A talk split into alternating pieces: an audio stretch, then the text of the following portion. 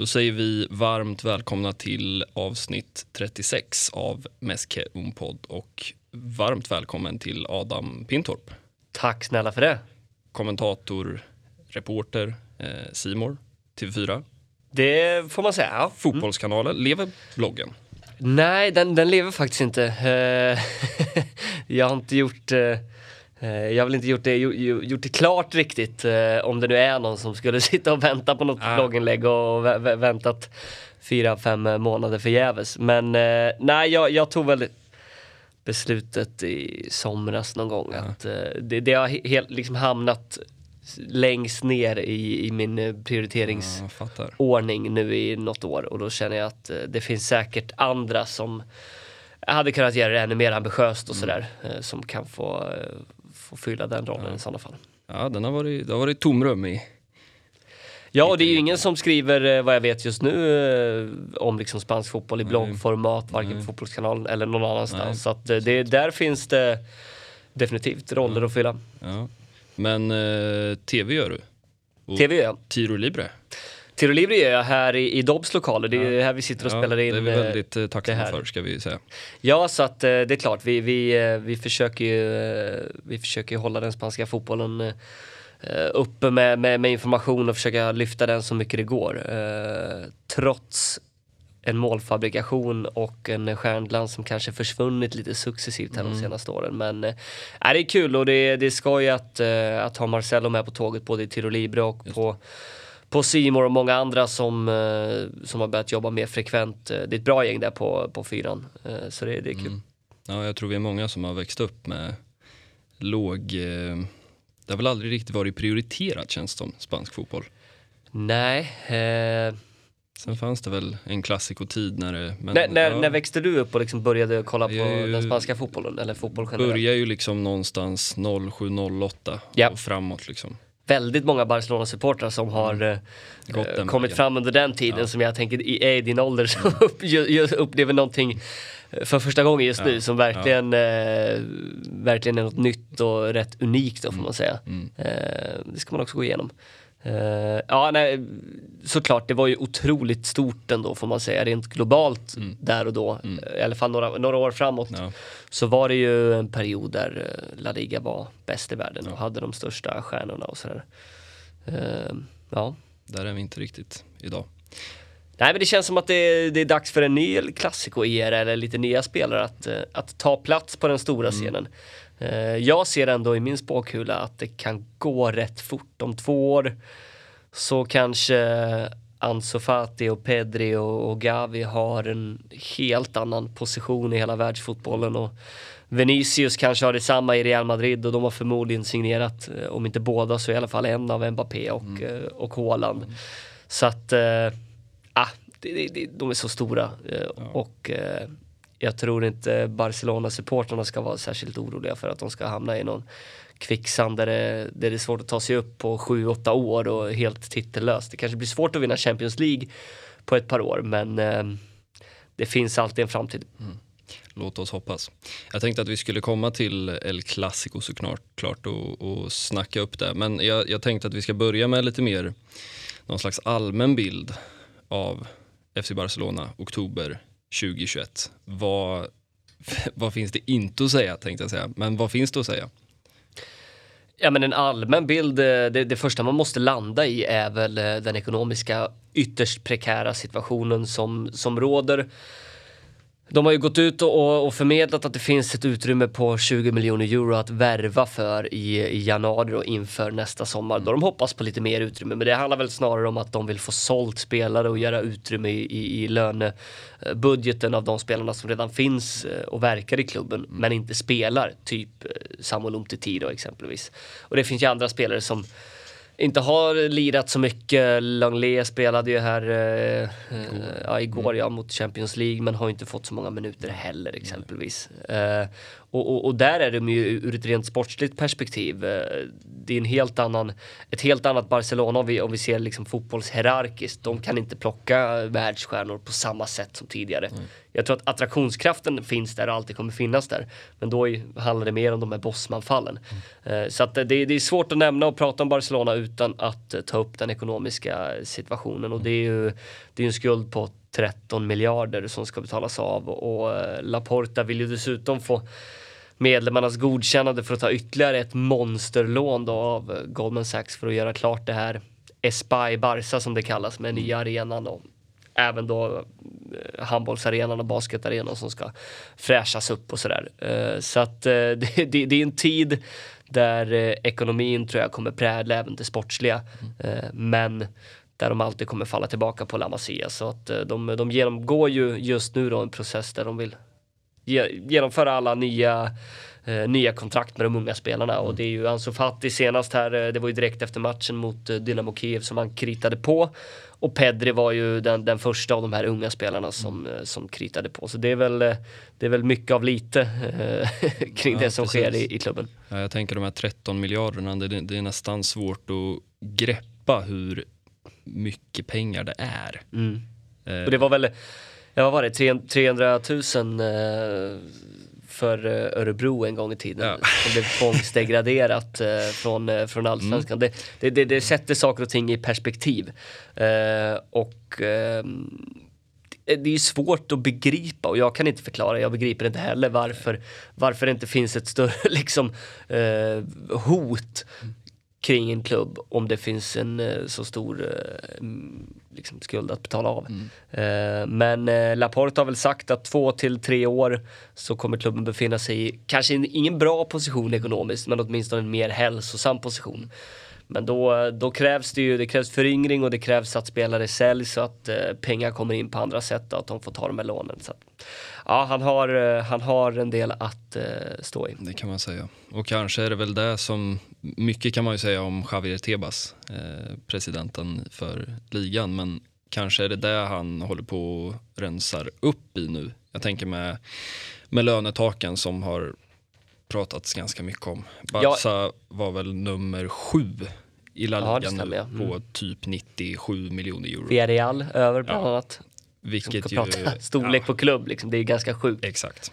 Vilket ju säger en del om en del. Men kanske också någon, sen har väl det med kanske covid att göra också, att man har försökt att Absolut. trycka ner klubbarnas utgifter. Men, men det kanske är ett, ett sätt för honom också att faktiskt, nu det känns ovant att sitta och ta Tebas i försvar här, men kanske är det ett sätt för honom också att liksom bromsa den här galenskapen som uppenbarligen finns. Ja, ekonomisk doping är ju inte alltid bra eh, och eh, det, det, detsamma gäller väl de här stadgarna som som Sandro Rosell eh, införde i klubben det här, det som varit en slackis, det här med paragraf 67 om att eh, två år i rad med förlustsiffror så, så ska, det, ska, ska det krävas eh, omval på presidentposten. Och ja, jag, jag, vet inte om det kommer, om det kommer göra saker och ting eh, rätt för Barcelona om det, om det handlar om att hålla sig i toppen. Men man kan ju heller inte skjuta på problemen år efter år eh, och bara skjuta fram eh, de ekonomiska skulderna utan eh, någon måste ju dra i handbromsen ibland och mm. om det är Rosell eller om det är Tebas. Ja, jag tror att det, det kommer få Eh, Eh, många klubbar att må bättre på sikt. Men just nu så har det också blivit en kortsiktig effekt eh, i hela La Liga där eh, de sportsligt inte riktigt känns på samma nivå som för bara fem sex år sedan. Nej, man kan ju inte det känns inte som man kan drömma om att nu kanske Real Real Madrid kanske har det och kanske Atletico också, men att Barca skulle kunna lägga 100 miljoner euro på en spelare idag känns ju Nej, Real Madrid kan ju, de har ju, de har ju ett helt annat lönetak. Mm. Det är ju gånger, vad det, åtta om vi ja, jämför med specifikt eh, Barcelona och de, eh, de la ju två miljarder på, mm. på Kylian Mbappé och mm. fick, fick nej från ja. PSG. Så pengar och eh, ett tak för att, för att kunna lägga den typen av summor, det, eh, det existerar ju i, i, Real Madrid i alla fall. Mm. Eh, så att, eh, man får väl säga, jag vet inte om, det, om, om han var cynisk nog, men hyfsad timing då av Florentino Perez att uh, gå några somrar i rad utan att värva spelare och sen kommer en pandemi. Det är nästan som att han eh, har eh, förutspått det hela och eh, helt plötsligt eh, sitter och bara väntar på bättre tider för att eh, eh, det vet man ju att Real Madrid kommer ju till slut öppna plånboken. Eh, Vi får väl se om det blir Mbappé här nästa sommar. Känns inte allt för långt borta. Nej, det är väl PSG. De, vill väl göra allt här för att förhandla fram ett, eh, ett kontrakt där under hösten. För eh, i januari så är han ju fri att förhandla med, eh, med ja, alla klubbar egentligen. Nej, och de har ju gjort det förr också PSG. Jag tänker framförallt på Marco Verratti. Som jag tycker är en jävla bortglömd sån här icke-värvning. Alltså så nära som han var Barca. Mm. Och sen mer eller mindre tvingas gå ut och, och be om ursäkt och pudla och berätta för alla hur mycket han älskar PSG. Vilket ju säger en del om vilken kraft finns i den klubben och de pengarna de sitter på. Det var lite samma när det spekulerades som, som mest i en återkomst för, för Neymar så, så tog det några veckor innan han kritade på ett nytt kontrakt med, med PSG och pratade väldigt öppet och eh, varmt om, eh, om klubben. Och, ja, det, det är klart, kritar man ett sånt eh, mångmiljardkontrakt då måste man också uttala sig på, på det sättet. 13 miljarder euro i skulder. Samtidigt skriver Ansu Fati ett kontrakt på, med en utköpsklausul på Ja, det, nu vet jag inte exakt vad euron ligger i nu, men det är ju uppe 10 där. 10 miljarder Ja, någonstans. så... Ska vi lösa en del? Ja. Men det Newcastle? Ja, ja, kanske. Nå, någon annan klubb kanske vill eh, De, vill betala. Men det känns ju som att han verkligen vill, vill vara i Barca och pratar ju väldigt, eh, väldigt gott och öppet om sin kärlek till, till klubben och, och nu när han har tagit över nummer 10 och verkligen känns som den, den centrala delen i det framtida projektet. eh, Även om det är väldigt mycket som som sportsligt inte är på platsen. Framförallt egentligen eh, tränaren. Eh, utöver det så tror inte jag att det kommer krävas så mycket. Truppen är ju väldigt spännande i sig. Det kanske krävs ett par förstärkningar eh, och någon riktig superstjärna. Eh, annars så, så tycker jag att det finns, eh, finns väldigt mycket som är, som är spännande och även en del spelare som jag tror att rätt tränare kommer kunna eh, väcka liv i igen och, och kanske hitta nya rätt positioner till och sådär. Eh, och Ansu Fati vill ju såklart vara, vara ledande i, i det här nya Barca eller vad man nu ska kalla det. ja, man ska också komma ihåg att eh, agent för Ansu Fati är ju en viss Jorge Mendes. Mm. Som kanske inte var helt osugen på att flytta honom någon annanstans. Han är ju sällan osugen på att flytta någon någonstans. Nej men så är det ju, men, men han, eh, han får väl en del av, av kakan i det här också. Säkerligen. och har ju, eh, det finns säkerligen en, en, en långsiktighet i det också. Även om han så, skulle Ansu Fati flytta någon gång så är det inget, fel i att eh, plocka nummer 10 och sitta på ett väldigt bra avtal i Barcelona och vara en ledande stjärna där ett tag. Eh, och man får väl hoppas att någonstans eh, spelarens eh, ja, prioriteringar också får, får komma fram och eh, den här gången verkar det ju ha blivit så i alla fall. Så Ja. får vi väl se. Det kan ju bli så att Barcelona behöver sälja någon av sina, sina stora eh, talanger. Eh, det behöver inte nödvändigtvis vara just Ansu Fati, men eh, ja, om, om de har svårt att sälja övriga spelare som Umtiti och Coutinho och så vidare för en eh, rejäl slant, ja kanske måste de börja kika på att sälja någon av, någon av de yngre spelarna som de kan få mer pengar för. Mm. Ett kontrakt till 2027 och då kom jag fram till att han är 24 eller 25. Mm. Alltså det säger, och, och så tänker man 2027, det är så långt fram och då, Mm, det är när det här kontraktet går ut är han 25. Två VM till dess. Alltså, det säger en del om hur ung han fortfarande är. Så han fyller ju 19 om typ en vecka. Ja, sent där, är det sista oktober va? Ja, jag tror det. Det är, så, det är sjukt, vi satt och pratade om det, jag och Vicky Blomé eh, i, eh, i pausen av Fotbollssöndag Europa eh, när vi ramade in just Barcelona-Valencia att det är sjukt att Ansu Fati varit borta ett år ändå han blir en ganska etablerad storstjärna nu kommit tillbaka, gjort det bra igen och ändå bara är 18 Ja. alltjämt. Men han kom ju fram när han var 16 så det var Ja, ehm, man gillade ju det där när han var tvungen att ha föräldrarnas underskrift för kvällsmatcherna. Precis. Så pass, så pass ung. Kommer kommer ihåg när han gjorde sitt första mål där borta mot uh, Osasuna. Jag satt, eh, jag satt på en, på en Liverpool-bar i New York. Eh, mina polare var och spelade golf, jag spelade inte golf. Eh, och, och då slog, egentligen så hade jag inte riktigt koll på att det var matcher. Jag var, jag var, liksom, jag var borta från det här med tidszoner och grejer. Eh, utan gick in där på eh, ljusa dagen. Och eh, tidsskillnaden låg ju perfekt. Så att matcherna, eh, kvällsmatcherna här i, i Sverige spelas ju, eller i Spanien då, eh, spelas ju mitt på dagen där. Så då minns jag att jag såg den matchen och eh, var det på nick va? Eller var det andra målet? Ja, Nej, det, var, det var första målet. Det var inte debuten men det var första ja, målet ja, precis, precis. Eh, och då var han väl bara 16. Det, är, det är sjukt. Och också, jag kommer ihåg den sommaren när han, det är väl den sommaren när Victor Valdes är i U19-laget och rör, rör runt. Och jag vet, för, för att han kliver ju så fort upp från Han Jag- hoppar ju över Barca Ja, alltså i princip. Han är ju där under försäsongen och hänger några baljer och spelar nia. Gör han. Mm, mm. Men det har han gjort Men- mycket under, ja. eh, under uh, ungdomsåren. Ja. Så det är ingen ovan position. Nej, men och just det där att så här, wow, vem och vad. För det känns som att om man jämför med en, en Gavi som är Exakt. väldigt lätt att jämföra med. Ja. Så har ju han, det har ju pratats om honom. Jag tycker du belyser någonting superintressant. För det, det, det, det, det tycker jag man får jag, jag har stött på den frågan några gånger eh, när jag kanske har hyllat Gavi som en eh, exceptionell talang. Att oj, men han är ingen Ansu Fati. Men jag var precis som dig. Jag hade knappt koll på Ansu Fati när han kom upp. Gavi har det pratats om i rätt många år. Sen han var 13 så har han varit helt dominant i varenda lag han har spelat i. Han har spelat två årskullar upp väldigt mycket och sådär.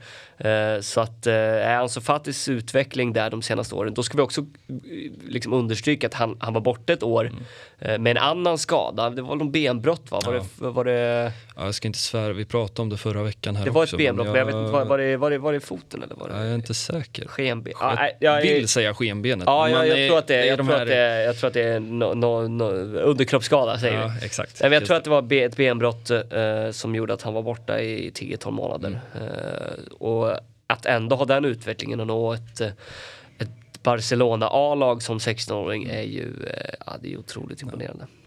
Hur bra blir han? Vi pratade om honom förra veckan här och, och eh, Mackan var... eh, han, det var stora ord.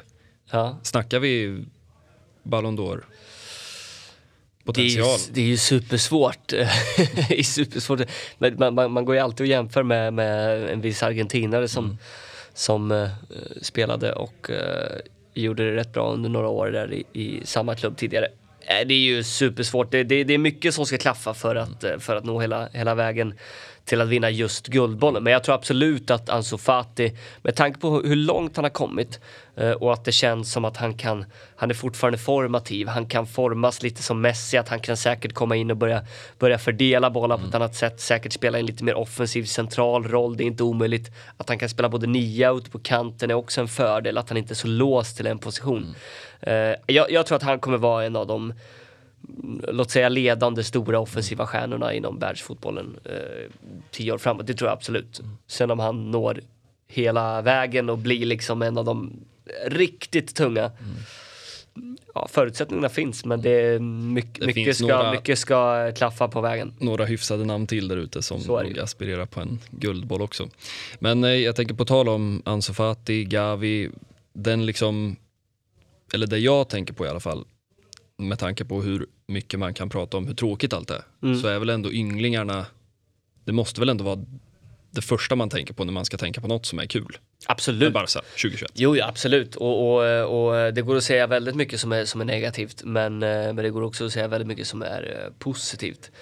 Eh, och det är ju ett lyckobrev att det är just den, den generationen då, från 01 till, till 04 egentligen. Vi får ju sträcka oss så långt bak eftersom Gavi är 04. Precis. Men det är framförallt den 01-02 generationen som, som varit eh, framgångsrik och som det pratats mycket om. Där Eric Garcia var kapten.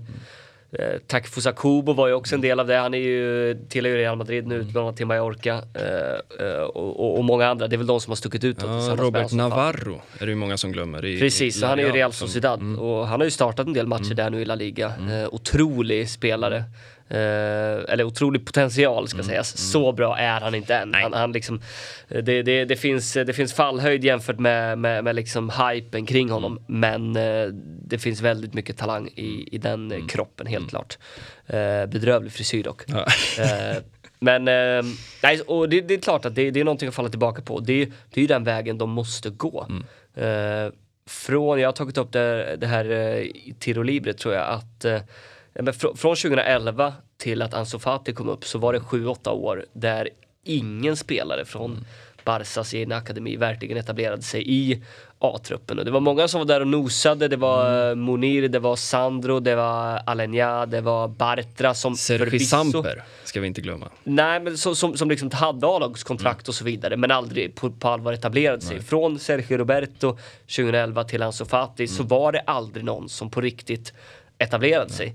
Uh, och då skulle vi väl säga att Sergio Roberto är väl den, eh, den, den produkt som får mest hat. Uh, och nog, ganska... är ju liksom inte riktigt så bärande. Han är, han är ju han är så långt ifrån en av, en av kaptenerna egentligen och det, det är inte riktigt så som supportrarna ser på honom. Nej, det var spridda, eller inte bara spridda, det var ganska tydliga burop igår. Både när han byttes in och något bolltapp där också. Så att, mm, mm. vi får väl se hur det blir med en kontraktsförlängning där. Ja, det verkar ju skett en radikal uh, ja, nu är det twist stopp. där. Mm. Så att, nej, vi får se. Superrimligt. Ja, ja. jag, jag är helt med dig. Uh, faktiskt. Alltså, jag, jag, jag, tycker att Sergio Roberto skulle kunna ha en plats i Barcelona som ett uh, andra val uh, på en uh, ytterbacksposition. Mm. Att både kunna spela till höger och till vänster och hoppa in när det verkligen krävs. Sådär, fylla en roll. Men att sitta och tjäna topp 5, topp 6 i en klubb och vara en av vicekaptenerna, då tror jag att de är ganska snett på det. Mm. Och uh, har de chansen nu att, uh, att kunna göra sig av med honom, eventuellt få en slant, för hans kontrakt går väl inte eller det går, går, ut nu i sommar. Det går ut i sommar. Att, ja, då gör de inte ens pengar på honom. Men, och det är väl det misstänka som också gör att de ändå är så, att det är ändå Barca som har tagit initiativet att mm. faktiskt förlänga. Jag misstänker att man kanske tänker att man kan få ut 10-15 ja, miljoner euro absolut. ändå. Om man då förlänger. Men eh, ja. Ja, äh, spännande att se. Ja, och man ska nog också, jag tänker det är många som du säger att han har så pass hög lön mm. med tanke på att man pratar då om, nu vet jag inte vad man har sagt vad som var det senaste nu men jag tror 35 lönesänkning. Mm. Men då ska man också ha med sig att, för det kan man ju tycka, ja det är ändå, det är någonting. Men då måste man också tänka på vad har liksom Bartomeu etablerat för lönestruktur. Mm. Alltså en 35% i sänkning i Barca. Det är ett strukturellt problem ja. som har byggts upp och inte bara under ett år, under väldigt lång tid. Och det var ju från, från, eh, från, från att de var på toppen där 2015 och vann allt mm. egentligen under Luis Enrique. Eh, då är det lätt att skriva eh, långa, dyra, mm. svåra kontrakt med spelare. Eh, jag, jag tror att Sergio Roberto börjar nog känna själv också att Eh, att det kanske är läge att se sig omkring. Och jag tror att han kan få en väldigt bra lön, ungefär som han har haft eh, här i, i något eh, Premier League-lag och så. Jag tror att han kan göra det rätt bra i många lag, men jag tror inte att han ska vara en av de äldre, mer etablerade, rutinerade spelarna som, som ska ta det här framåt, utan det är väl kanske Busquets, Piqué, mm. möjligen Alba, jag vet inte, som, som får bära det ansvaret. Ja. Nej, en flytt känns väl kanske som det bästa för egentligen för alla parter. Mm. Tror jag. Faktiskt. Jag tror det. Men för att gå tillbaka till, eh, till ynglingarna, till, till eh, La Masia. Eh, att spelarna nu får chansen, allt från eh, alltså Ansu Fati, Gavi kanske är sådana som alltid skulle ha fått chansen. Mm. Eh, men vi har Mingesa, vi har en Nico. Eh, är spelarna Finns det en anledning till att spelarna kommer fram nu? Att de får chansen nu? Är det för att det är ett prekärt läge? Eller är det så att det är bättre spelare som kommer fram nu än de som inte har lyckats? Väldigt relevant fråga. Jag tror att spelare som Ansu Fati, Gavi, även Alejandro Balde mm. som också varit otroligt hypad, vänsterbacken som har fått en, några, han har ju varit mm. skadad nu men han har mm. gjort några matcher. Mm. Eh, de, de har ju, eh, tillåt mig att kalla det exceptionella talanger, jag tror att de hade fått chansen ändå. Eh, att de inte har värvat in någon, någon vänsterback sen Junior Firpo drog är ju eh, att stavas bara eh, Alejandro Balde. Så det, det, det, finns ju en, finns en långsiktighet där och de hade nog försökt plocka in någon i alla fall om inte han, om, om inte klubben trodde så mycket på, på just uh, Balde. När det gäller en spelare som Mingesa så tror jag att han kommer upp i uh, precis rätt läge. Jag tycker att han är ganska begränsad. Påminner lite om Oliger som han, mm. som han var en gång i, i tiden och kunde hoppa in och, och fylla en funktion mm. och spela på många olika positioner och det är jättebra att ha en sån spelare. Han är ju han är väl född i Katalonien Mm. och varit i Barcelona i, i hur många år som helst. Eh, så att ehm, jättebra och kan man få jättemycket pengar för eh, Emerson efter 28 dagar i klubben då är det väl perfekt då att ha Mingueza som nummer två. Eh, men jag tror inte att han hade gjort upp mot en 50 matcher som han säkert upp och snuddar vid nu eh, senaste ett, ett och ett halvt året. Eh, om det inte hade varit för, eh, för att Barcelona befinner sig i det här läget. Utan eh, Barcelona 2015 då tror jag inte att det hade funnits plats för en Oscar Mingueza i, i klubben och kanske inte en Nico heller. För att då, då hade det varit ett så etablerat mittfält och de andra mittfältspelarna, de andra talangerna hade kanske tagit hans eh, plats, hans roller eh, i första hand. Men det är också en, är också en rätt bra spelare. Eh, Ja, det är en lite personlig favorit. Mm. Hade också jäkligt tunga sista, det är lite Ansu Fati. Jätteskadebenägen de sista åren och så trodde man att, ah, det var över.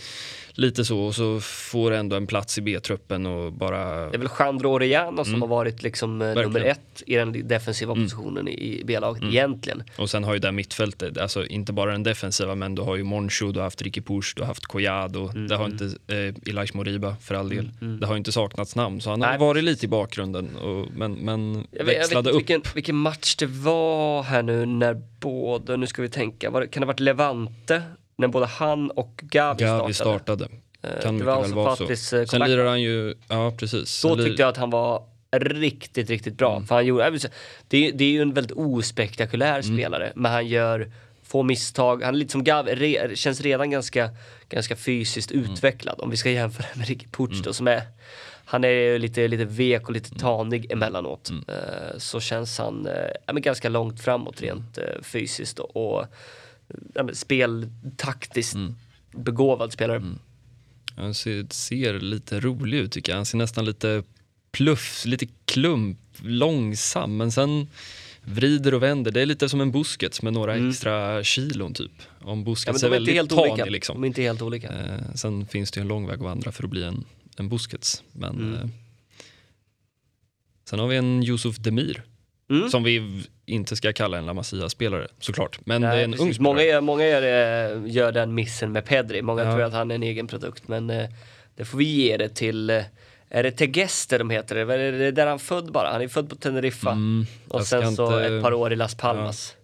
Eh, det brukar min kollega Kviborg vara väldigt snabb med att påpeka att Ja, han kom från Las Palmas. Men Ja. han är långt ifrån, han är från Teneriffa, det är ju, det är ju, det är ju grannön. Mm. Men eh, ja, Demir, eh, jag hade inte sett eh, en minut av honom eh, innan han skrev på. Helt plötsligt spelar han med nummer 11 i ett, eh, i ett Barcelona A-lag. Eh, påminner lite om liksom själva, själva uppenbarelsen påminner lite om, lite om Messi.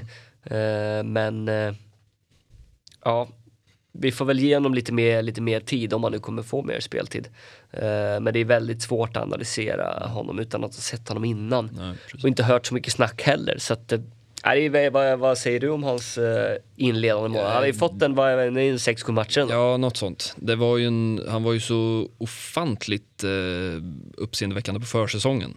Det var ju där och då man tänkte att... Just det, då spelar wow. han väldigt typ mest minuter. Ja, och just det där, man, är ju, man var ju skör de där dagarna efter att Messi försvann och så kommer det en liten kort, mörkhårig Jag påminner om spjuver. Alilovic, kommer du ihåg honom? Ja, Eh, som kom fram som den nya Messi, en Ja. kroat en gång i Mm. tiden. Som var väl också i, han gjorde väl någon match i Barcas A-lag. ja var han, runt ju, han var ju... Vart är han nu? Jag vill säga att det är Championship. Birmingham. Eller Ja, något. wow. Vet, han var ju, han var ju utlånad till ett La Liga-lag en säsong också. Sporting Gijon. Möjligt. Så? Ah, ja, Och ja, var ganska, men det fanns väl vissa attitydproblem där om jag förstod det rätt. Men, så kan det vara. men Demir, det är ju bara ett lån än så länge. Det är väl 10 miljoner euro tror jag eh, efter säsongen. Och de 10 miljonerna känns väl som att det kanske behöver läggas på andra Mm. ställen. Eh, Var, det, var, det, var det värt att liksom låna in, de betalade väl någonting för lånet? mm, ja, jag vet inte om det var en eller två, två och en halv. Var det, var det, var det värt att var det värt att ändå eh, köpa in en lånad spelare som, som klubben inte äger istället för att ge Collado chansen som sitter och inte kan spela fotboll för att han är varken registrerad för A eller B-lag just nu. Det var Ja. väl eh, B-lagets bästa spelare förra säsongen. Ja, det är nog i... Ja, jag vet inte om det... F- jag, finns ingen som kan förklara det. Nej, no, nej, det ska jag inte säga. Men jag tänkte säga att det är nog den bästa individuella säsongen jag har sett av en spelare i Barça B. Under de Oj, åren jag, jag har följt dem. Och det är stora ord. Ja, jag vet inte, Alenya var ju fantastisk. Men hur länge har du följt Barça B? Sen 2014-15 verkligen liksom Ja, regelbundet. Eh, Deulofeu gjorde väl sådär 22 ligamål men det är ju lite för tidigt. Det är väl 12-13 eller 13-14 möjligtvis. Ja. Men Collados förra säsongen, är, sen, det är tredje divisionen, det är vad det är men det är ju en skandal att han sitter och tittar på Mm, mm. från sidan. Jag kan, ju, jag, jag kan ju stoltsera med att jag faktiskt sett Thiago live spela fotboll för, för Barça B och det var ju en helt sinnessjuk generation också. De spelarna födda 91. Ja, 91 och några 92, 93 och ja. sådär med, med Jonathan dos Santos. Och han var väl något år äldre kanske, men det var Jonathan dos Santos, det var, det var Thiago, det var Bartra där. Montoya, det var Mm. Bartra. Eh, det, var, det var ett rätt bra lag faktiskt. Ja. Många som ändå tagit sig till, till ganska stora klubbar och höga höjder Ja. då får man säga. Eh, jag Barca också- har ju en fin La Liga-karriär. Eh, Thiago eh, har väl alla koll på. Mm. Eh, plockat ett par Champions League-titlar och, och sådär. Eh, ja, Jag tycker ofta man glömmer det lite att just det här att okej, de, sen är det klart att man vill ju att någon per, jag vet inte vad som är rimligt, en varannan årgång ska kunna ta steget och bli en A-lagsspelare i Barca. mm, Men ibland tycker jag att diskussionen kan bli lite för hård att, mm, mm, jag menar tänk hur många spelare som faktiskt, alltså en Montoya mm. som blir professionell fotbollsspelare på absolut högsta Men han nivå. platsar ju inte ens i, i Betis. Nej. Med all respekt till Betis. Ja. Ska vi säga. Men ändå liksom har fått en professionell, jag vet inte, säg att sju, åtta. Där, Montoya platsar fan inte i någon La Liga-klubb. Fan vad dålig han är. Ja, han, eh, Riktigt dålig spelare. jag vet inte vad som hände. Men han har haft en mysig karriär ändå, varit runt i Ja. många klassiska klubbar Ja. Eh, utan att spela så mycket. Men jag menar, det är, han, han håller sig kvar, lite som eh, Antonio Barragan. som också varit runt och hade ju till och med många år i Valencia. Det är sjukt vissa spelare som liksom harvar runt och tar sig till, till nya fina kontrakt oavsett Mm. vad egentligen. Jag vet inte om det är en bra agent eller en bra... Min go-to-spelare när det gäller det, är, ju- det är Luca Dini, men han är ju på en annan nivå. Mm. Men jag, och nu har han väl hamnat rätt lite mer kanske då, i, i, i Everton. Everton. Men eh, att han har varit i Roma, PSG, Barcelona, alltså, gjort en 50 A-landskamper. Det är kanske bara jag som, tycker som är, Nej, har något jag- personligt, det har jag e- egentligen inte. Men jag tycker att det är sjukt att en så begränsad spelare har fått leva och verka i så många stora klubbar. Det var väl också ett väldigt bra exempel på det Barca som var där mellan 15, 16, 17 där. Den här 16-17 sommaren när de plockar in Paco Alcacer, Luca Digne, André Gomes. Mm. Eh, dit vill man inte riktigt tillbaka. Nej, och vi, vi ska väl också säga att det var ju det var ju där i krokarna som, som Barça B slutade otroligt högt Mm. upp i, i den spanska andra divisionen. Du nämnde Sergi Samper Mm. tidigare och det var väl då Adama Traoré spelade Mm. och eh, Monir nu står det still. Sandro ja, Ramirez och- Så det, det, det, det, fanns ju, det fanns ju spelare att kunna fylla på med, eh, kanske. Grimaldo. Grimaldo verkligen förstår jag inte varför, varför ingen har norpat. Läste något rykte häromdagen eh, som kopplade ihop honom med Barca och Atletico har varit intresserade över tid nu. Eh, Mm. Det pratades väl om spelare. England ett tag också. Otrolig Ehm, spelare. Men det var väl en mest för ren- namnet, jag älskar namnet. Ja, det, det är ett ett rockstar. Ja, om inte fem plus, i alla fall fyra plus namn. Ja, det får man säga. Men det var väl- Benfica då, för Ja. de som inte har koll. Har varit Ja. där i 6-7 år nu, gjort det väldigt bra. Ja. Vinner ofta assistligan, eller har gjort det ett par gånger i alla Mm. fall i, i Portugal och, och sådär. Och vänsterback, Väldigt kanske lite svag bakåt, men ändå och väldigt fin spelare med Mm. bollen. stark insats mot Barca i Champions också. Ska Mm. Men det var väl mer en, om jag minns det rätt, så var det väl mer bara en personlig, alltså man, man kan ju säga mycket om Lucho. Men jag tror bara att det var någon typ av, jag vet inte om den Ricky Push Koman light. Men Mm, eh, han var ju inte överhuvudtaget Nej, intresserad. giganten. Ska så ett frö apropå eh, Benfica. Mm. Det har ju pratats väldigt mycket om eh, Operation Haaland. Mm. Men jag har svårt att se att det är Barca som ska landa norrmannen den kommande sommaren. Även om det, det verkar finnas då i kontraktet det här med att han inte kommer köpas så dyrt. Eh, men det kommer ju vara en sign-on och det kommer vara lön och det kommer vara ett agentarvode till eh, farsan som är, som är rätt saftigt. Eh, och då tror jag att Bar Barca, om de ska göra en anfallsvärvning, vilket de väl vill snegla Inte mot. alls omöjligt känns det De, lär väl inte, de, de kommer inte behöva värva så mycket på, på övriga positioner, framförallt Nej. inte mittfältet. Så där. Det är väl någon ytter eller kanske någon, någon, någon mer renodlad nia då. Eh, och då, han finns ju eventuellt i, i Benfica och gör man två mål mot sin framtida klubb så börjar ju, eh, börjar ju eh, vad säger man, eh, man börjar så frö ganska tidigt. Eh, så att Darwin Nunez tror jag verkligen är ett alternativ som, som Barca, om de inte gör det så bör de kolla åt det hållet. Eh, för det finns ju några där bakom Håland som känns som Precis. Ja, men de stora U23-anfallarna som, som kommer ta nästa kliv. Isak är också där Mm. Såklart. Mm. Eh, Vlahovic. Men Darwin Nunez är en liten en slamkrypare Mm. som är, eh, jag är, där är jag, där är jag svag. Jag hoppas att han kommer till, eh, till La Liga igen. Ja, det är en fascinerande spelstil. Det är avigt och det är kantigt och det är ryckigt och rivigt. Och... Men det händer saker. Mm. Det är som gjord för Atletico Madrid. Ja, ja, verkligen. Men de, är det något de har just nu känns det som. Det är väl en, Ja, inte en anfallare till kanske. nej, men de hade behövt någon efter Suarez. Suarez lämnar väl efter Ja, det är i och för sig Han är väl sant. klar snart. Eh, Darwin Ja, Nunez kanske, kanske, och... är där, det kanske är där han hamnar. Hade, jag tror också att eh, Alexander Isak hade funkat otroligt Mm. bra i ett kontringsstarkt eh, Atletico Madrid. Kolla nu i Real Sociedad, han Ja. får ju, liksom, får ju aldrig röra bollen. Nej. En anledning att han funkar bättre i landslaget Mm. än i klubblaget just nu. Ja, en lekkamrat till Joao Felix.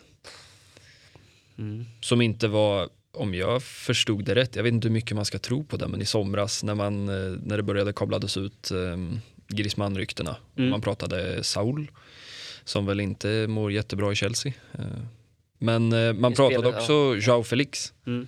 som i en, i en bytesaffär. Mm.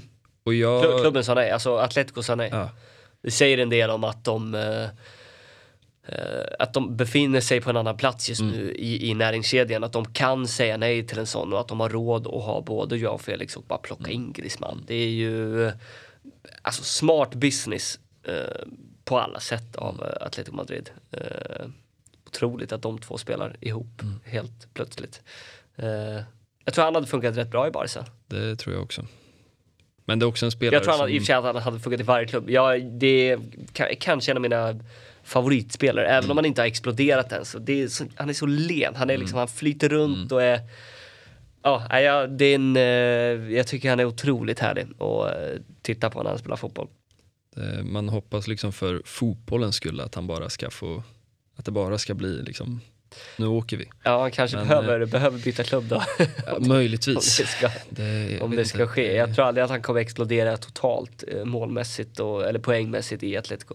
De kommer ju aldrig spela, spela så som han är gjord för. Nej. Eh, Däremot så, eh, det är kanske det vi upplever redan nu. Det, det, har, det har vi sagt många gånger. Det sa vi förra hösten också. Eh, Men det han håller på med just nu är ju imponerande. Eh, Både mot Liverpool och eh, Barca för all del där i 2-0 matchen. Han, eh, han är på rätt väg nu. På tal, eller ja, nu är det väl en värvning som inte blev då, men jag tänkte att vi skulle snacka lite transfermarknad. Sen blir det ju alltid liksom, det är lite svårt när det finns en pengapåse på 20 miljoner euro då. Kanske lite mer i sommar, jag vet inte. Men Nej. det lär, ju- det lär ju inte bli några stora pengar. Men eh, vi var inne lite på det, men vilka positioner ser du som potentiella förstärkningsområden? Ehm, först så tror jag att de får identifiera lite vilka som ska, som ska väck. Om, om, om de ska fortsätta satsa på en Jordi Alba exempelvis. Om inte så behöver de ju förnya med någon eh, ganska stark spelare på den positionen. Uh, ja, Balde, det är klart, eh, de tror på honom, men han är ju nyss fylld 18 år. Eh, det är kanske inte han som ska gå in och vara en startspelare på den positionen. Eh, men Alba blir nog kvar tror jag. Det, det, är, ändå, det är ändå känslan jag har. Framförallt som en, en ur det gamla gardet någonstans. Och, och nu när han har fått en eh, roll som vicekapten, jag tror att han trivs rätt bra och vill fortsätta lyckas och vara med och liksom bära fram det här nya Barca. Någonstans. Eh, utöver det så tycker jag att det finns otroligt mycket, mycket saker att förbättra i backlinjen, men jag tror att med rätt tränare så finns eh, ändå materialet eh, ganska mycket på plats. Skulle jag, skulle jag få säga två positioner där jag tror Barca hade, hade behövt värva kanske mest så ja, men, alltså, en riktigt bra central anfallare eh, och en bra ytterforward. Eh, alternativt då en, eh, en vänsterfotad mittback som inte är Langley eller, eh, eller Umtiti. Laporte tror jag hade varit otroligt bra. Eh, kostade för mycket i somras, annars så, så var det ett rykte som florerade under några veckor. Eh, Pau Torres lite där eh, så, som, som, som ett andra val kanske. Eh, och anfallsspelarna, det var, det var i stort sett de vi pratar om. Det, är- det är ändå den nivån de, de vill försöka ligga på. Om det inte ska vara Ansu Fati som nio eller, eller eh, Memphis Depay i någon form av släpande falsk nummer nio position. Eh, sen ska det bli intressant att se vad som händer med Osman Dembélé, om han kan förnya och bli kvar. Eller om de värvar in en, eh, någon ny spelare som, som kan ha lite mer, som, är, som är av utmanande karaktär, som kan göra sin gubbe. En, eh, ja men en Dembélé-typ, liksom. Jeremy Pino kanske, alltså den ty- spelartypen. För det saknas ju. Eh, och Yusuf Demir eh, kanske... Det är en väg. Ja, det är en väg dit och det är ingen spelare som, som Barcelona kan stå och falla med om de vill utmana om de tyngsta titlarna. Eh, så att det är väl, det är väl, okej, se, se de tre positionerna och jag tror inte Barca kommer kunna värva eh, världsnamn på alla tre. Fullt rimligt. Och sen får vi se lite var, var de hamnar. Mm. Vi På bara mittfältet s- tror jag att är... Alltså med, med, med, med tanke på att de här nya unga spelarna känns så fysiskt starka så tror jag att mittfältet eh, klarar sig rätt Mm. så bra. Som det är just nu då med Busquets, Nico, Frankie de Jong, Ricky, Pedri. Eh, är det Ja. någon vi glömmer? Gavi. Det är ju sex spelare, det är på tre positioner. Ja. Det ska man.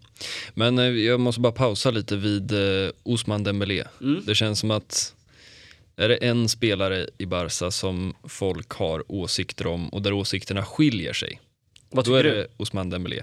Jag har ju varit, jag har ju stått och tagit emot pilar för honom Ja. länge.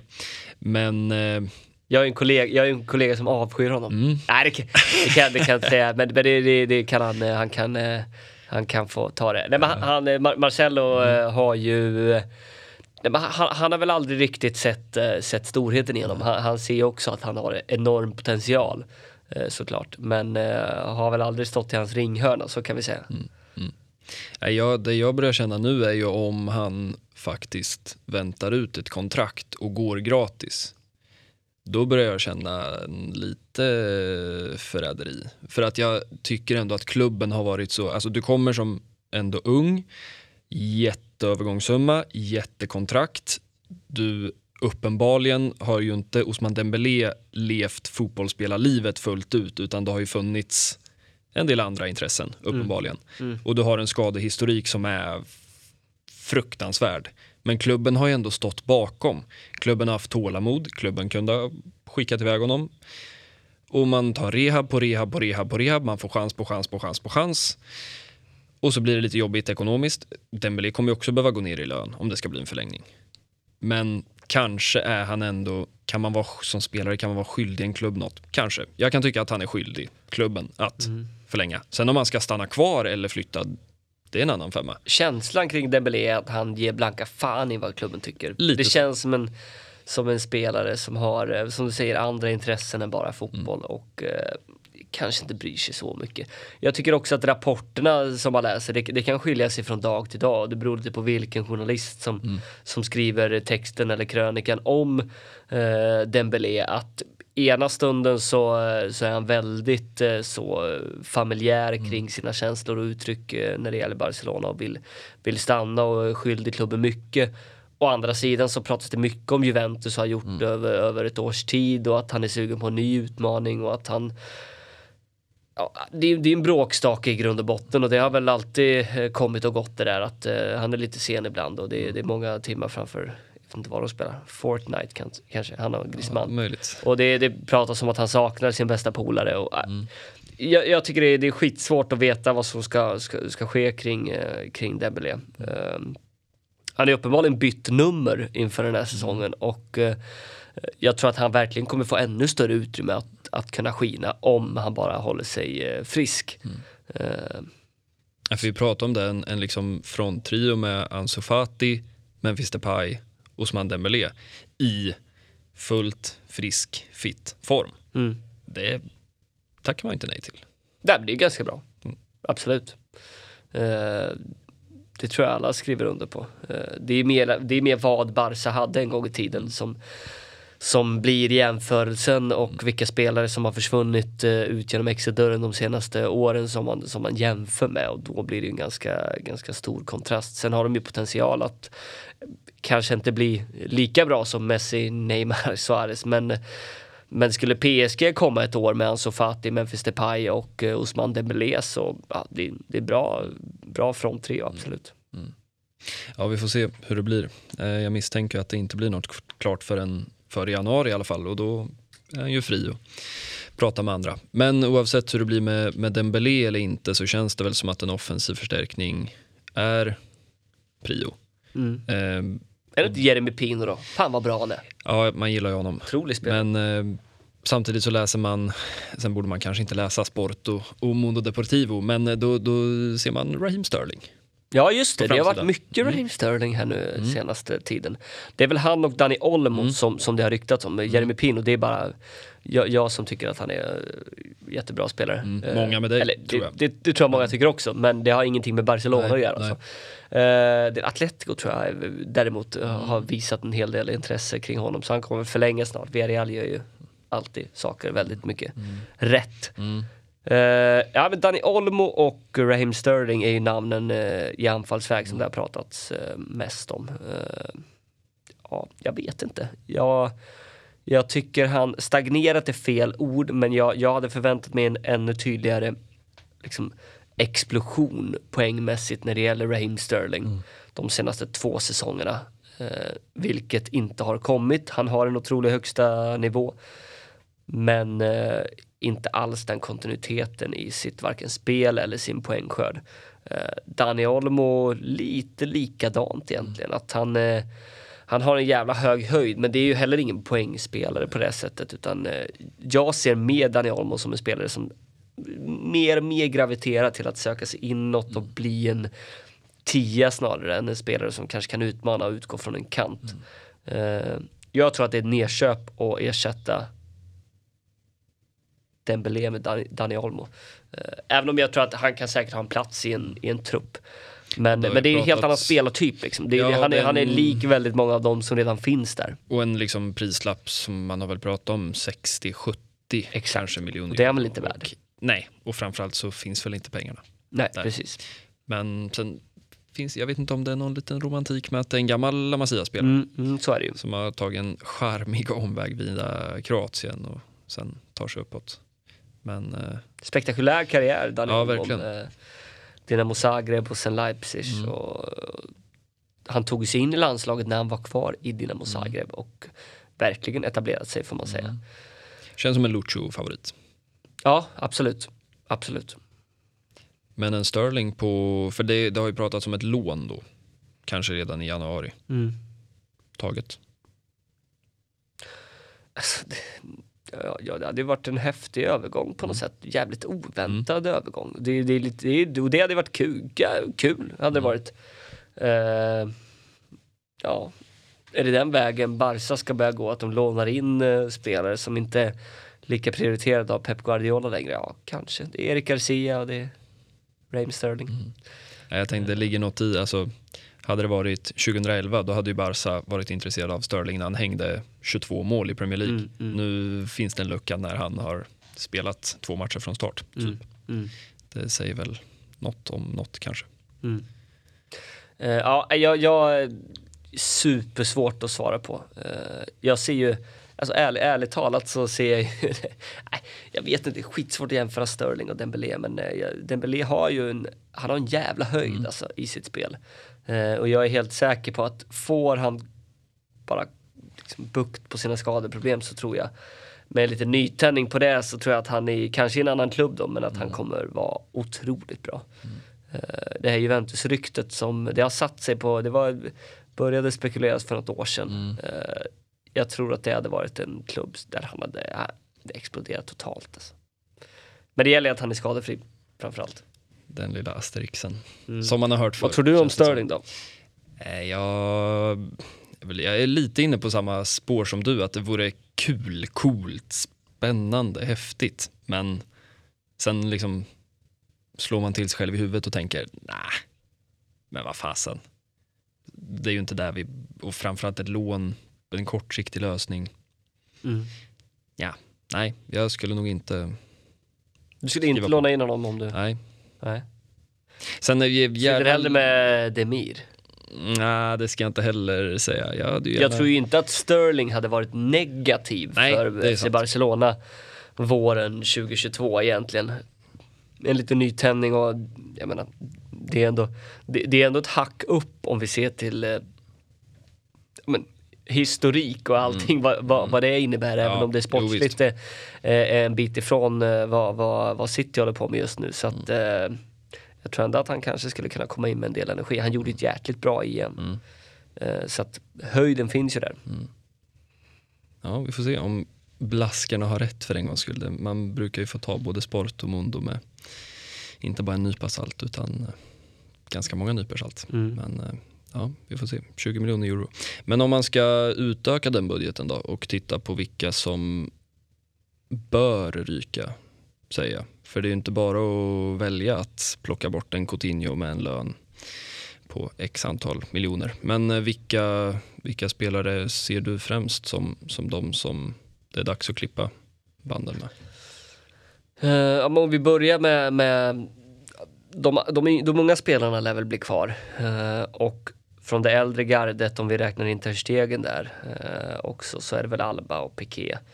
Eh, han kommer de ju inte sälja ändå, så är han kvar så, så, så blir han kvar i någon roll. Nej men han har väl till och med varit ganska tydlig med att jag vill inte spela fotboll någon annanstans. Nej, är det nej. inte så här så då skiter jag i det. Precis, och, eh, och Busquets är kvar givetvis. Eh, av de spelare som, som klubben hade kunnat få pengar för, det är väl Longley, Umtiti, kanske om han får spela, annars så får de väl skeppa honom. Han sitter i alla fall på en väldigt hög lönepost.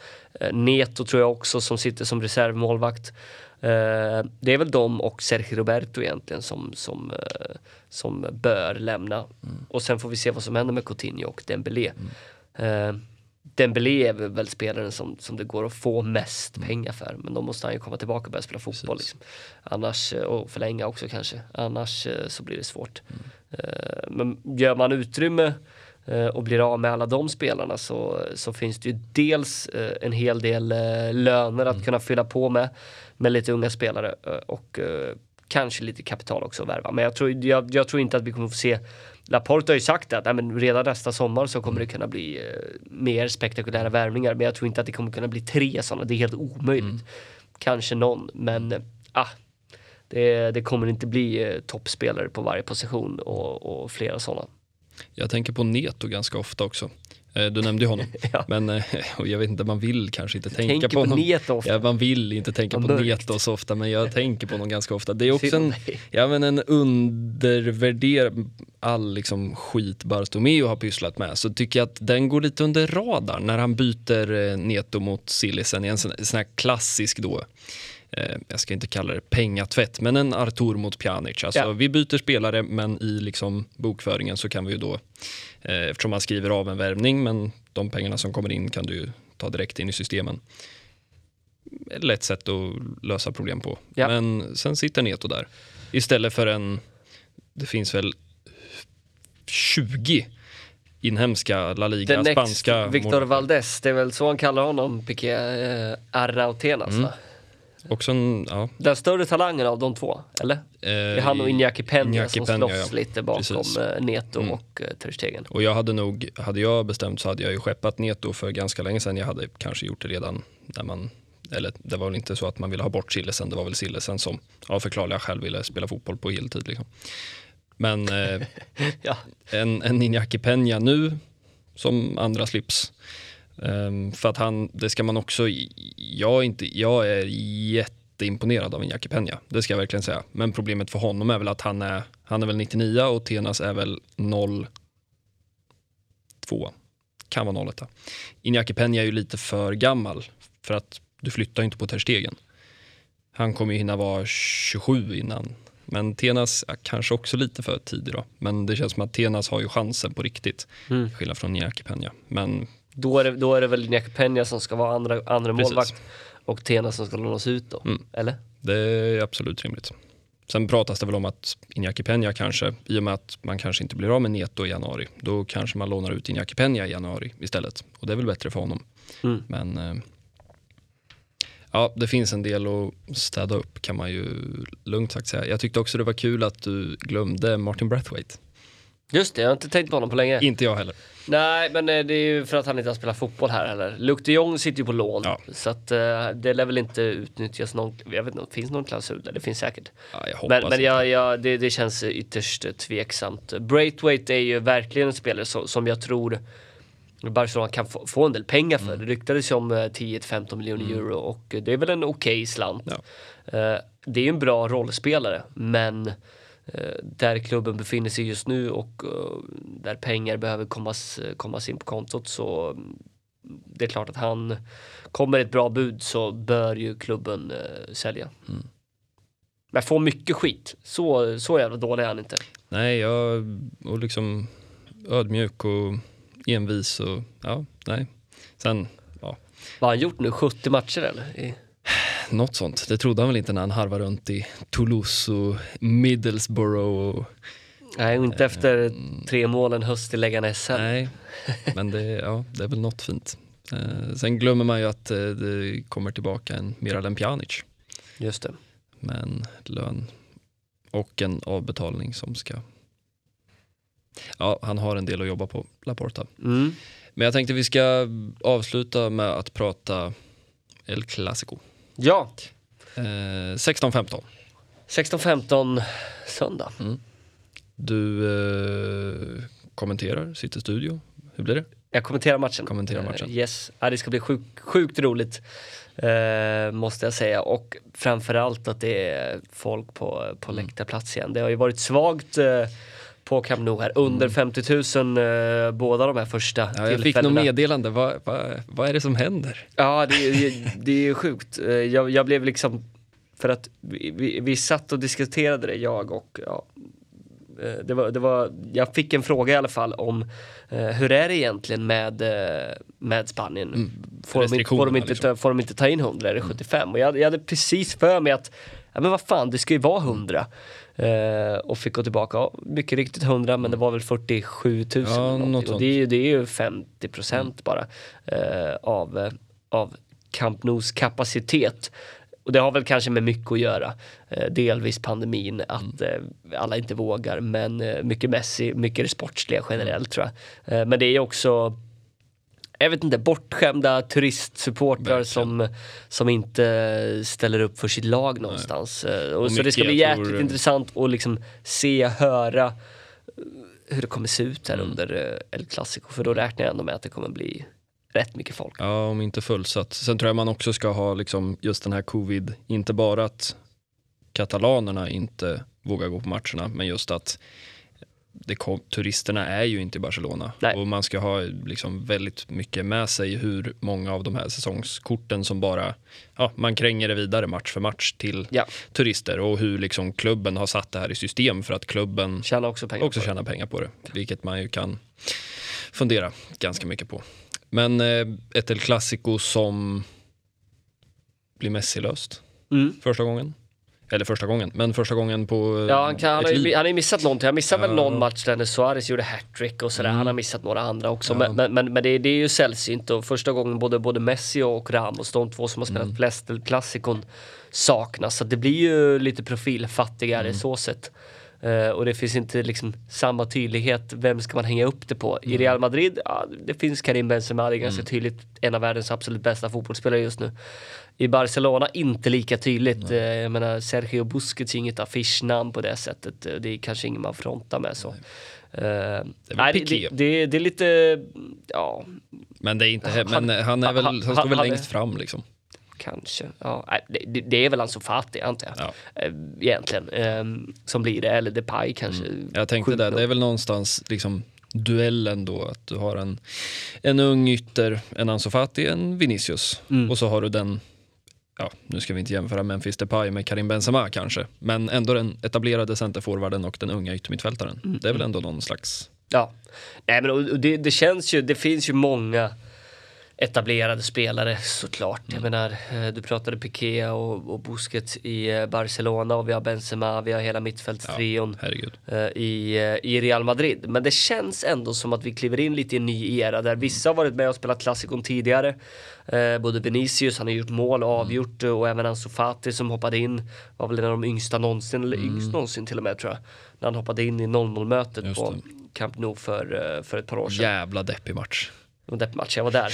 Ja. Eh, nej, det, var, det, var, det, var, eh, det var trist att det, att det blev just den matchen Ja. som, eh, som slutade 0-0. Eh, Det händer ju väldigt säll, sällan Mm. Ja, eh, i klassikosammanhang. Men eh, så många av dem har ju varit med redan och känt på det men, men det känns som att det blir, eh, det blir liksom next level nu på något Mm. vis. Att nu, nu, nu ska de ta mer plats och de börjar bli affischnamnen på riktigt nu med, med Vinicius och med Rodrigo. Båda har tagit kliv den här säsongen. Valverde ytterligare ett steg, det är lite annan backlinje i, i Real Madrid. Och så Barcelona då med Ansu Fati som den stora nya unga stjärnan och, och Gavi lär väl kliva rakt in och starta här antar jag. Eh, Det, jag tänkte, jag satt just och funderade på det. Vilken inte. är, vilken är liksom gala-elvan nu då? det, ja, jag men jag, jag, jag, eh, mm, han får ju inte starta Sergio Roberto på centralt fält. Jag tänkte säga det, att det, det enda motbudet är väl om, om Roberto startar Ja. med Busquets och de Jong. Pedri är väl out va? Ja, det, ja, jag tror inte de har kommunicerat det, men han har inte tränat. Så att det ska, det ska nog. Sen har han ju, det var ju någon gång här, det var väl i våras, när han knappt kunde gå och sen, ja, han är med i truppen, ja, han startar. Mm. Vilket väl, ja, Men det också gjort. onödigt att starta honom eftersom Ja. att han haft två skador här Ja. och spelar jämt annars. och precis det man gjorde nu senast då, när han hade varit borta Exakt. och så startar man honom och så försvinner han igen.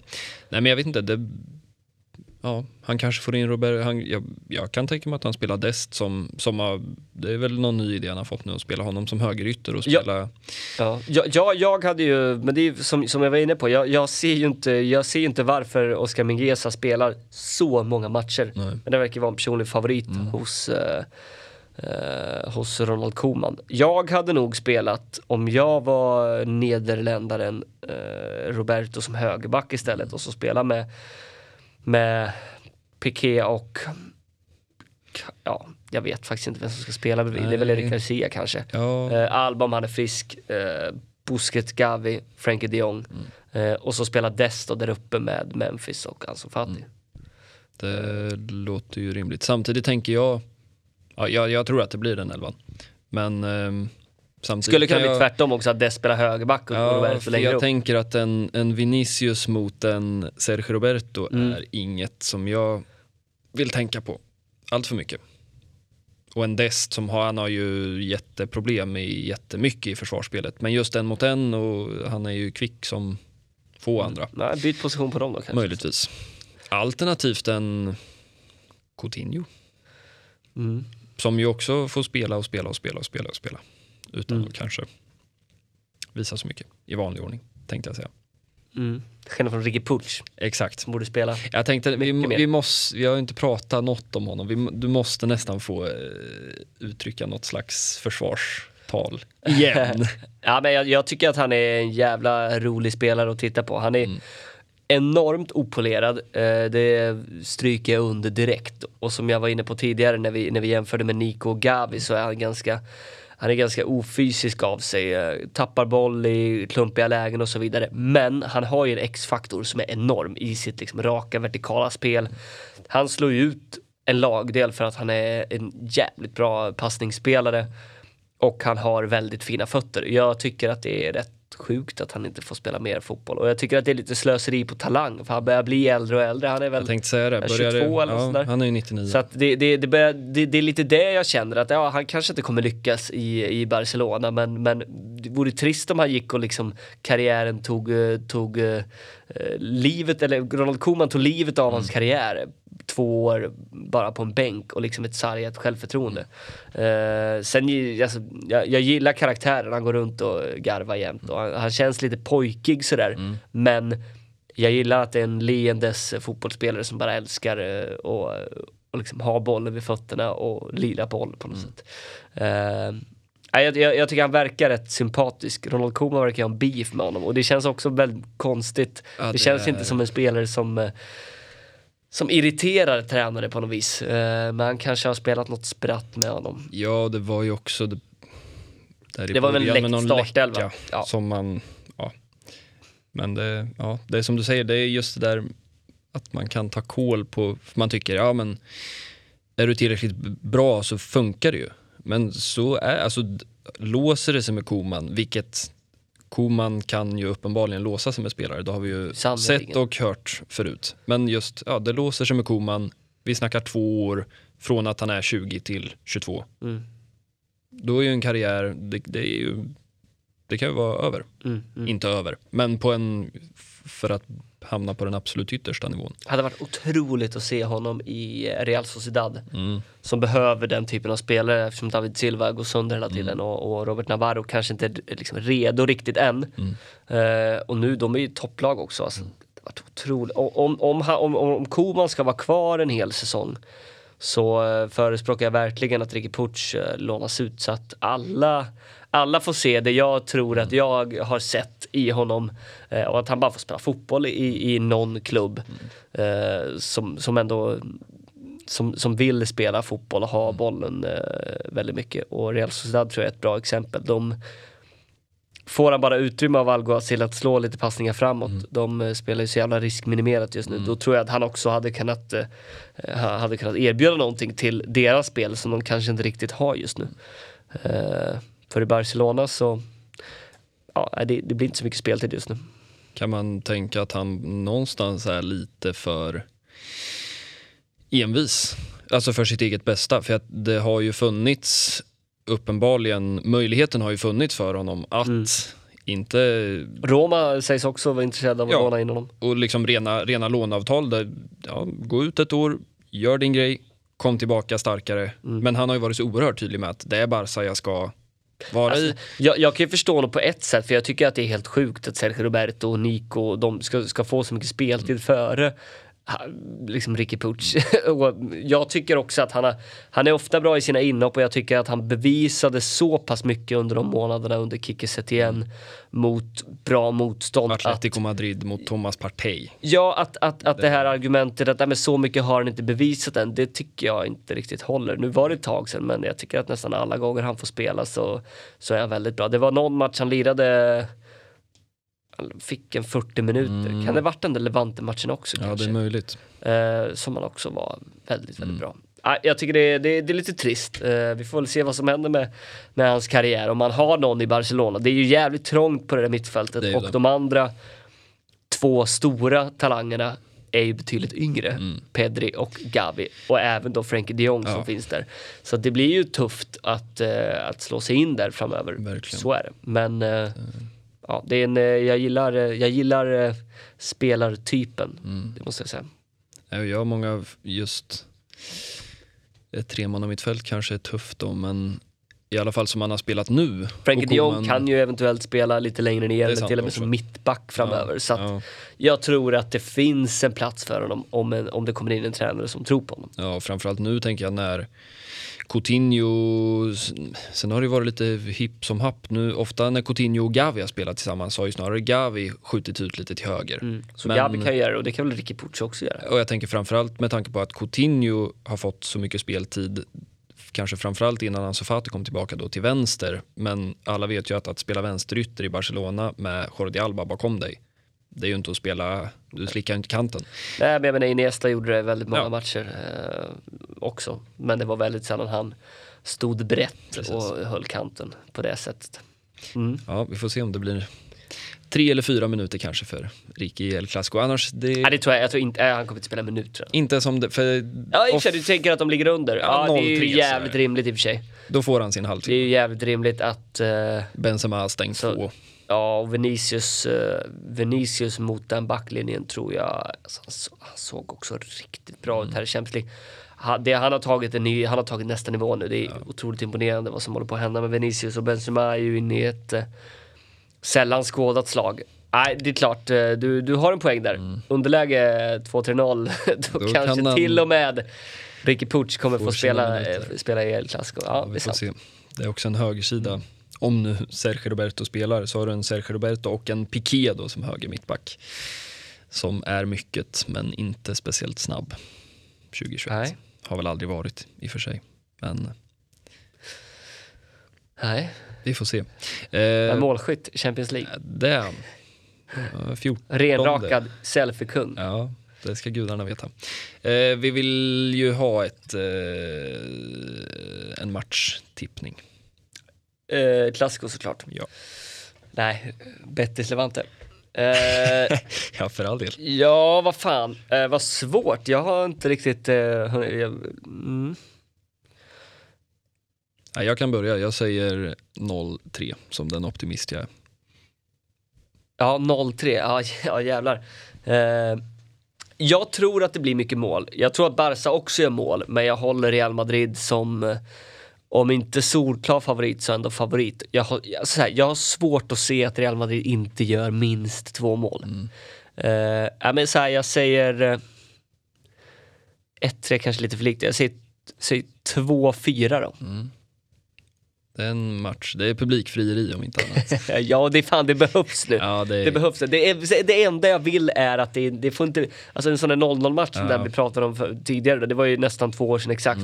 Då, då s- känns det som att La Liga, La Liga dör, Lite håller så. på att liksom kvävas ihjäl och det, det vill vi inte ska ske. Nej, så att måste- ynglingarna får, eh, de får, eh, de får Steppa ta och, eh, och visa att det finns eh, kvalitet och eh, framtidshopp när det gäller La Liga och den största matchen i La Liga. Precis. 16-15, ni drar igång studio misstänker jag. Ja, vi kommer köra studio. Det kommer bli en jävla studio eh, på, eh, på söndag eh, som öppnar 15.30. Och jag ska inte svära på det, men jag tror att det är, det är studio över liksom tre matcher i följd där. Okej. Eh, Ja, för det är ju... För att det kommer en match direkt efter 18.00 då tror jag, som det börjar. Eh, nu måste jag tänka till här vad det är, men det är väl inte Juventus sent på kvällen och sen är det, kan det vara Napoli-Roma? Ja, jag tror att det är så. Tror att det är så. Eh, det är i alla fall två jävligt heta italienska matcher. Ja, Roma, Napoli 18 och inte Precis. Juve 2045. du ser. Det behöver man inte röra sig från så soffan. Att, nej, det, så det, blir, det blir en mastodont sändning eh, men eh, eh, som sagt 15.30 så börjar försnacket inför El Clasico. Då sitter vi redo. Härligt. Tack för att du kom hit, Adam Pintorp. Och tack vi säger tack för att ni har lyssnat och på återseende om drygt en vecka. Ciao! Hej!